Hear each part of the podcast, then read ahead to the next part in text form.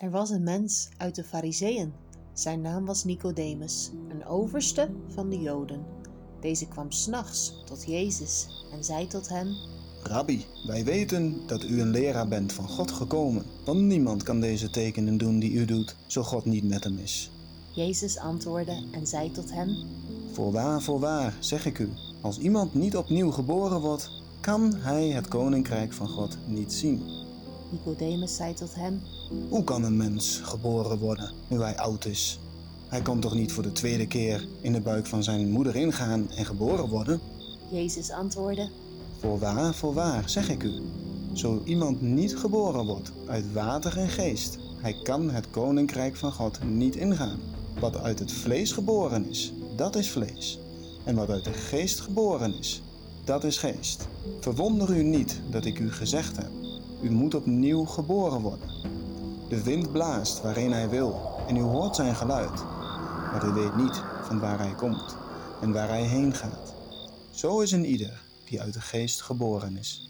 Nicodemus antwoordde en zei tot hem: Hoe kunnen deze dingen gebeuren? Jezus antwoordde en zei tot hem: Bent u een leraar van Israël en u weet deze dingen niet? Voorwaar, voorwaar, zeg ik u, wij spreken over wat wij weten en getuigen wat wij gezien hebben, en u neemt onze getuigenis niet aan. Indien ik u de aardse dingen gezegd heb en u niet gelooft, hoe zult u geloven indien ik u de hemelse dingen zeggen zou?